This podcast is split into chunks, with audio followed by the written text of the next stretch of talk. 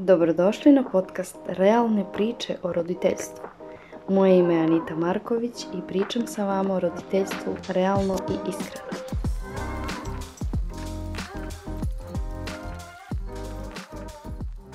Danas pričamo o promjeni navike uspavljivanja i zašto je toliko teško, zbog čega odustaješ od toga i zašto zapravo ne uspevaš da promeniš naviku uspavljivanja.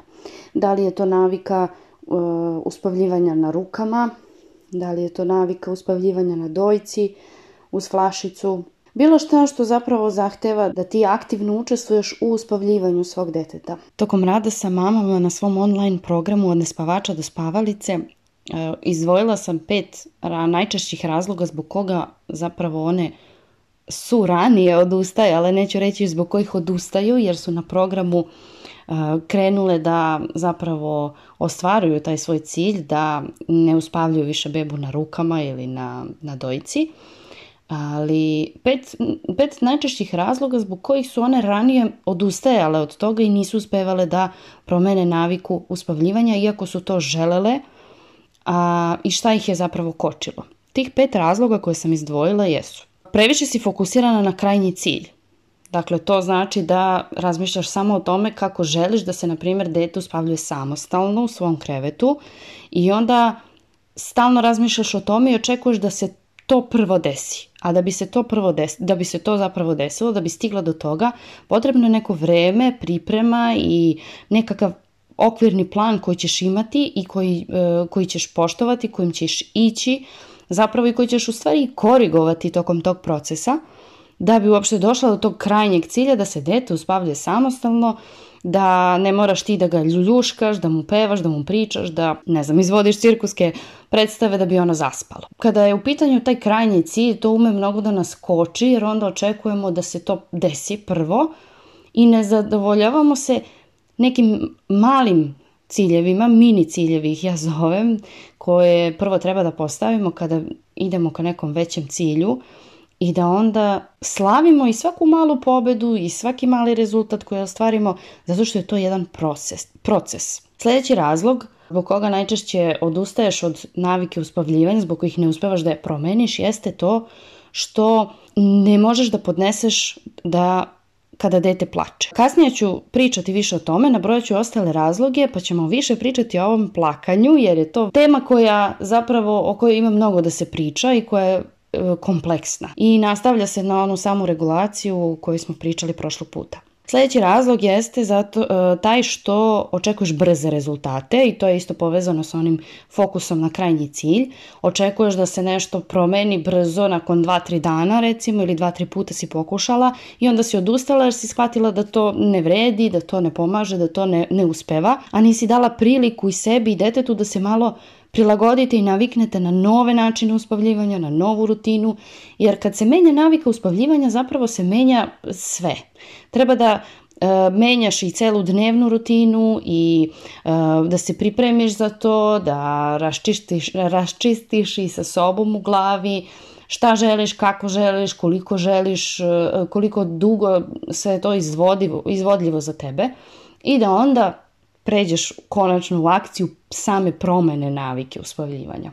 Čak se nekad uh, dešavalo se u praksi sa, sa mamama sa kojima sam radila da, da one krenu sa jednim ciljem i onda u toku procesa beba sama se promeni, zapravo promeni i potrebe, promeni i način uspavljivanja i onda na kraju mama shvati da nije ni morala da nešto konkretno radi na samoj navici uspavljivanja, da se to promenilo kada je ona promenila neke svoje uh, postupke, rutinu, uh, odnos sa detetom i uh, kada se sve to posložilo i došlo na svoje mesto, zapravo je beba počela mnogo lakše i mnogo brže da se uspavljuje i to samostalno. Tako da zato je sve to proces i zato ne treba da budeš fiksirana na taj krajnji cilj jer uh, tokom celog procesa ćeš otkriti mnogo i o sebi i o svom detetu i o tome šta vam prija, šta ne i na koji način će moći posle da se uspavljuje. Još jedan od razloga jeste da ne veruješ da je to moguće.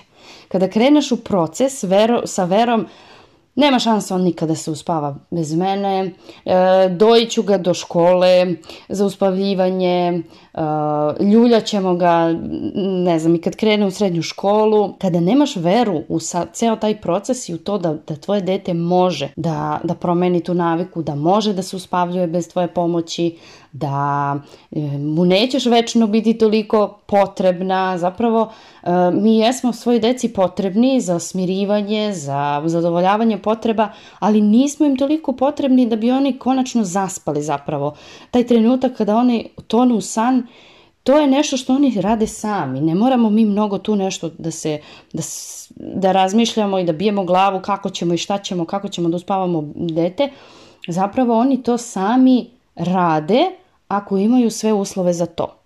I ako ti kreneš u proces menjanja navike sa verom, ma nema šanse da ja to uspem ili uh, moje dete je prosto takvo, ono ne, ne, ne zna da, da se uspava samo, ono ne voli da spava, ono mrzi krevet, mrzi krevetac. Sve, sve to samo sabotaža zapravo i onda ti svojim mislima kočiš sebe i, i zapravo šalješ i, i tu energiju svom detetu koje onda to oseti i onda ne možete da ostvarite rezultate zato što nema vere u ceo taj proces, nema vere da vi to možete. Treba verovati da, ok, mi to možemo, ajmo sada zajedno i nije važno koliko će da traje, na koji način će biti, naći ćemo neki način koji nama odgovara, da svi budemo srećni i zadovoljni time što radimo, dok ne ostvarimo ono što će nam više odgovarati, gde ćemo se svi više naspavati, biti raspoloženiji, odmorniji, veseliji i sve što ide uz to. Dakle, to bi bio još jedan razlog i poslednji razlog jeste što zapravo i nisi spremna na izlazak iz zone komfora. Nisi spremna da prihvatiš da će biti gore nego što je sada da bi bilo bolje.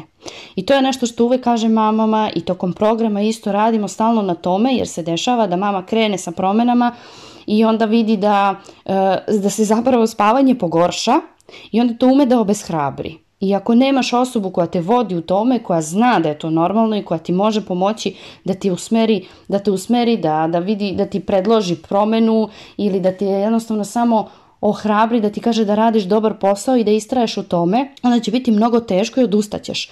Zašto? Zato što misliš da si sve pokvarila, a zapravo ta promena navike zahteva veliki izlazak iz zone komfora za tebe. Ne samo za dete, nego i za tebe, jer si ti navikla na to. I ako svakako e, nisi ti zadovoljna time kakva je trenutna situacija i umorna si, iscrpljena i nervozna, ali ti je to poznato. To je zona ono, poznatog, komfornog i koliko god nam teško bilo, mi se ušuškamo u tu zonu gde nam je sve poznato i teško nam je da izađemo iz toga jer ne znamo šta, ide, šta je sledeće, teško nam je da se nosimo sa promenama i teško nam je da prihvatimo da promena neće tako lako doći. Teško nam je da prihvatimo da, e, da moramo da podnesemo nekakvu žrtvu, uslovno rečeno, da bismo došli do onoga što, gde će nam biti zapravo bolje. I ta promena, taj proces promene navika posmatraj kao neki most do, do druge strane gde, će, gde ćeš više spavati, gde će tvoje dete više spavati, gde će se ono brže uspavljivati, gde nećeš morati da ga ljuljaš satima da bi zaspalo, nego te, zapravo prelaziš taj most, a dok prelaziš taj most, onda tu moraš da budeš spremna na to da će biti, da je moguće da se neće tako brzo i lako uspavati za dremku kada počneš da menjaš naviku, jer do sada je nešto funkcionisalo za dete. Čim menjaš naviku, znači za, za tebe više ne funkcioniše ili za tebe, ili za dete, ili za oboje. I može da se desi da za dete savršeno to funkcioniše, da se ono brzo i lako uspavljuje, ali da je tebi naporno. I to je sasvim validan razlog za, za želju za promenom. Dakle, tu opet moraš da budeš spremna da će se dešavati da se i češće budi noću nego do sada, da se teže uspavljuje, da mu duže treba da zaspi, da mu treba više tvoje utehe, maženja, paženja, tešenja. Kada ti kreneš da, da menjaš nešto na što je dete naviklo, ono će se sigurno buniti i negodovati. Tu je sada glavna razlika između onog klasičnog treninga spavanja za koji je većina čula i mog pristupa gde a, zapravo ja ne, ne podstičem to da dete ne treba nikada da plače. Zato što je plač jedna normalna stvar, tuga, frustracija, bes, ljutnja, razočaranje, strah, sve su to normalna osjećanja i normalno je da ih dete ispoljava kroz suze. Međutim, klasičan trening spavanja podrazumeva da se dete ukalupi u nekakav raspored i da se prati određena šema i da se prati određena metoda, strategija gde uh, čak i, i postoji određena minutaža, koliko ti minuta e, treba da čekaš pre nego što uđeš u sobu, pre nego što podigneš dete i slično. Dakle, to je način koji ja ne e, podržavam, zato što nije, ne podržava zapravo taj način, samo gasi to ponašanje, gasi plač i gasi potrebu deteta da za utehom. Zapravo ta potreba se neće ugasiti, ona će i dalje biti tu, samo neće biti zadovoljena i dete će prestati da je ispoljava. Ovde je razlika u tome što ostavljamo prostor detetu da izrazi sve svoje emocije. Ovo je jedna vrlo teška stvar ako ti u detinstvu nisi uh, imala dozvolu da ispoljiš sva svoja osjećanja, da plačeš kad ti se plače, da se ljutiš kad si ljuta, da e, pobesniš, da budeš tužna, e, da, da izraziš sreću, radost, uzbuđenje. To, dakle, nisu se potiskivala samo neprijatna osjećanja, već i ona prijatna. Nisi imala dozvolu da uživaš, da se opustiš, da miruješ, da odmaraš, nego ako si kroz detinstvo prošla, kroz, uh, prošla to da nisi imala pravo na svoje mišljenje, na glas, da se ništa nisi pitala, da si dobila poruku da tvoje mišljenje nije važno i da tvoje osjećanja nisu važna, onda će ti biti mnogo, mnogo teško da to pružiš svom detetu. Uh, to znam zato što sam ja imala takvo detinstvo i prvo, zapravo je najteži deo, najbitniji deo je tu osvestiti, osvestiti to da, da ti je teško da slušaš kako tvoje dete plače zbog toga što je, e, ti tebe nisu slušali. Ti nisi dobila utehu koja ti je bila potrebna kad si bila mala. I onda sada nemaš odakle da je daš. I kada nisi ni svesna toga, onda je mnogo, je mnogo teško, zapravo to ne možeš ni da promeniš, ne možeš ni da pružiš svom detetu ono što mu je potrebno ako nisi svesna toga. Tako da je prvi korak zapravo osvešćivanje i nadam se da će mm, sve ono što, što radim i pričam i um, moje iskustvo koje delim pomoći u tome, jer zapravo i ja sama radim mnogo na tome da dam sebi uh, tu ljubav i utehu koju nisam dobijala da bi je dala svojoj deci. Jer ja, tako to ide zapravo. Naši roditelji daju nama, mi svoje deci, ona svoje deci i tako dalje. Tako bi trebalo da teče energija. Ali nekad je negde prekinuta. Mislim, većina je imala um, roditelje koji, bar moja generacija, roditelje koji nisu bili emocionalno pismeni, koji nisu znali drugačije, jednostavno su tako i oni vaspitani i to se prenosilo sa generacije na generaciju.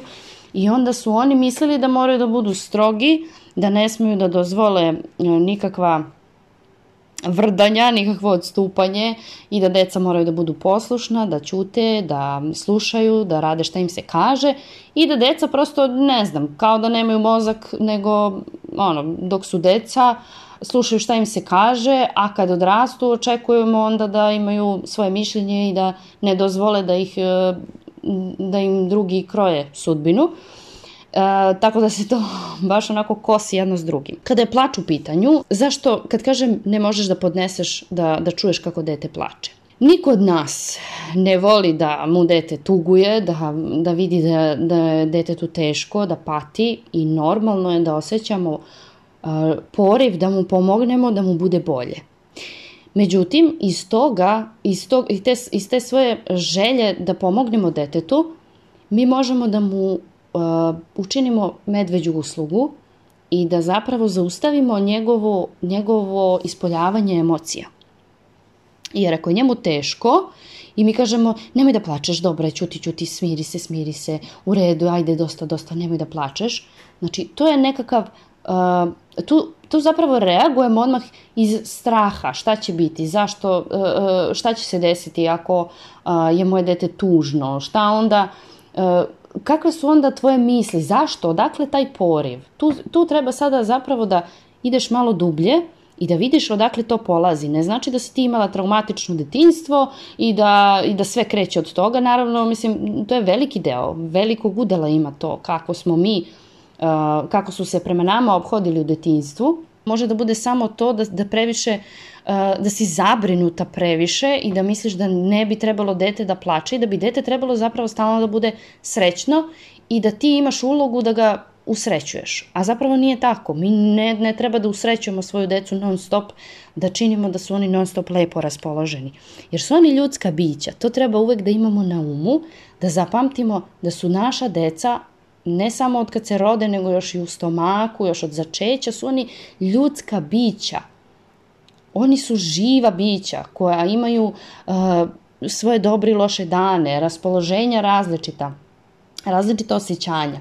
I skroz je normalno da neki put budu lepo raspoloženi, neki put loše, da neki put dobro prihvate neku promenu, neki put ne baš tako sjajno, to zapravo zavisi dosta i od temperamenta deteta, kako, ono, kako se ono prilagođava promenama, ali ono što je ovde bitno jeste da smo mi ti koji mu dajemo prostor da dete bude svoje. Dakle, da izrazi sebe, autentičnog sebe, da bude ono što jeste i da, da, da mu damo prostora da, se, da pokaže kako se osjeća. Bez pokušavanja da ga zaustavimo, da ga utišamo, da ga ignorišemo ili bilo šta slično.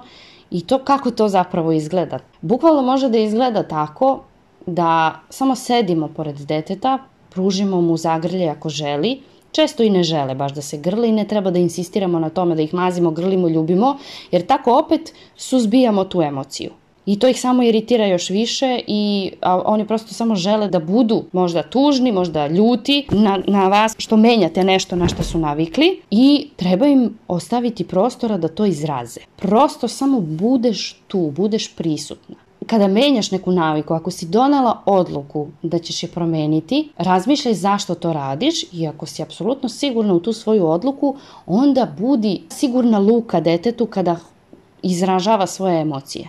Jer kada ta bura prođe, ono što će ostati jeste tvoja blizina, tvoja sigurnost, tvoja ljubav na koju dete može da se osloni i to je ono što njemu daje sigurnost i jednog dana samostalnost kada zna da ima sigurno mesto gde može da izrazi sva svoja osjećanja, gde može da plače, a da ga niko neće zaustavljati, suzbijati tu, tu emociju i da onda zna da iako je promena teška i bolna, ima tebe da se osloni na tebe i da nije samo, da nije ostavljeno sam u svojoj patnji i boli. Mi mislimo da, da mi činimo detetu strašnu stvar ako, na primjer, nećemo više da ga ljuljamo za uspavljivanje. Nešto što tebi ne prija, ne može da bude dobro ni za dete. Ako ti radiš nešto protiv volja, ako je tebi to mrsko, ako je tebi muka od toga, onda neće ni dete uživati u tome što radite zajedno. Ako jedno od vas ne uživa, bilo da je, ne znam, ljuljanje, možda i dojenje, možda ne želiš više da dojiš svoje dete i sasvim je u redu da doneseš odluku da nećeš više da ga dojiš. Ako, će, ako se to loše odražava na vaš odnos, u redu je da napraviš promenu, ali isto tako moraš da budeš spremna na emocije koje će se javiti i da možeš da ih podneseš i da daš svom detetu tu sigurnost da je sigurno, da je bezbedno i da kada možda neće odmah doći kod tebe, ali kada se isplače da zna evo tu sam, pored tebe sam, slušam te. Sasvim dovoljno da mu, da mu kažeš i da onda ono kada prođe ta, ta emocija, kada je proživi, kada je doživi u potpunosti, da onda može da dođe kod tebe u zagrljaj, a najčešće tako i bude. Kada to sve prođe, zna da ima tebe, da može da te zagrli i to je ono što jača vaš odnos i samim tim će svaka promena lakše doći. Za kraj, kao i uvek, pitanja za razmišljanje. Razmislite o tome kako se osjećate kada dete krene da plače, da negoduje. Ne samo kada menjate naviku uspavljivanja, nego razmisli o tome, recimo, kada mu nešto ne dozvoljavaš, kada, na primjer, hoće da izađe napolje, a ne možete trenutno i onda mu kažeš da neće ti ići napolje, na primjer, a ono krene burno da reaguje, da plače, da se ljuti. Kako se tada osjećaš? Zašto se tako osjećaš? Kakav je tvoj odgovor na taj plač? Da li se ljutiš? Da li vičeš kada dete plače? Da li želiš da ga zaustaviš, da mu kažeš da, da prestane da plače? Da li ti je žao i želiš da što pre prestane jer si zabrinuta zato što plače? Da li si ok sa tim plačem? Da li ti je to ok i onda prihvataš to i dalje držiš tu granicu, ali prihvataš plač i pružaš utehu detetu? Da li popuštaš kada dete krene da plače, popuštaš i vratiš se na staro? Naprimjer, kreneš da prestaneš da ga ljuljaš, ono plače i traži još da ga ljuljaš, ti nastaviš da ga ljuljaš, ne želiš i dalje to da radiš, ali s obzirom na to da dete plače, ti nastavljaš da to radiš samo da ne bi plakalo. Ali baš, baš onako budi iskrena prema sebi i razmisli o tome kako se zaista osjećaš i da li ako si ok sa plakanjem i, i tokom dana, sa, sa ljutnjom deteta i sa svim drugim osjećanjima, ako si ok u toku dana za sve druge stvari, a nisi ok kada je u pitanju navika uspavljivanja, zašto je to tako? Zašto je, je sa time drugačije? Da li je zbog toga što imaš neka uverenja u vezi sa, sa uspavljivanjem ili je zbog toga što ti zapravo tebi ne smeta taj način uspavljivanja, nego bi voljela da su neke druge stvari drugačije.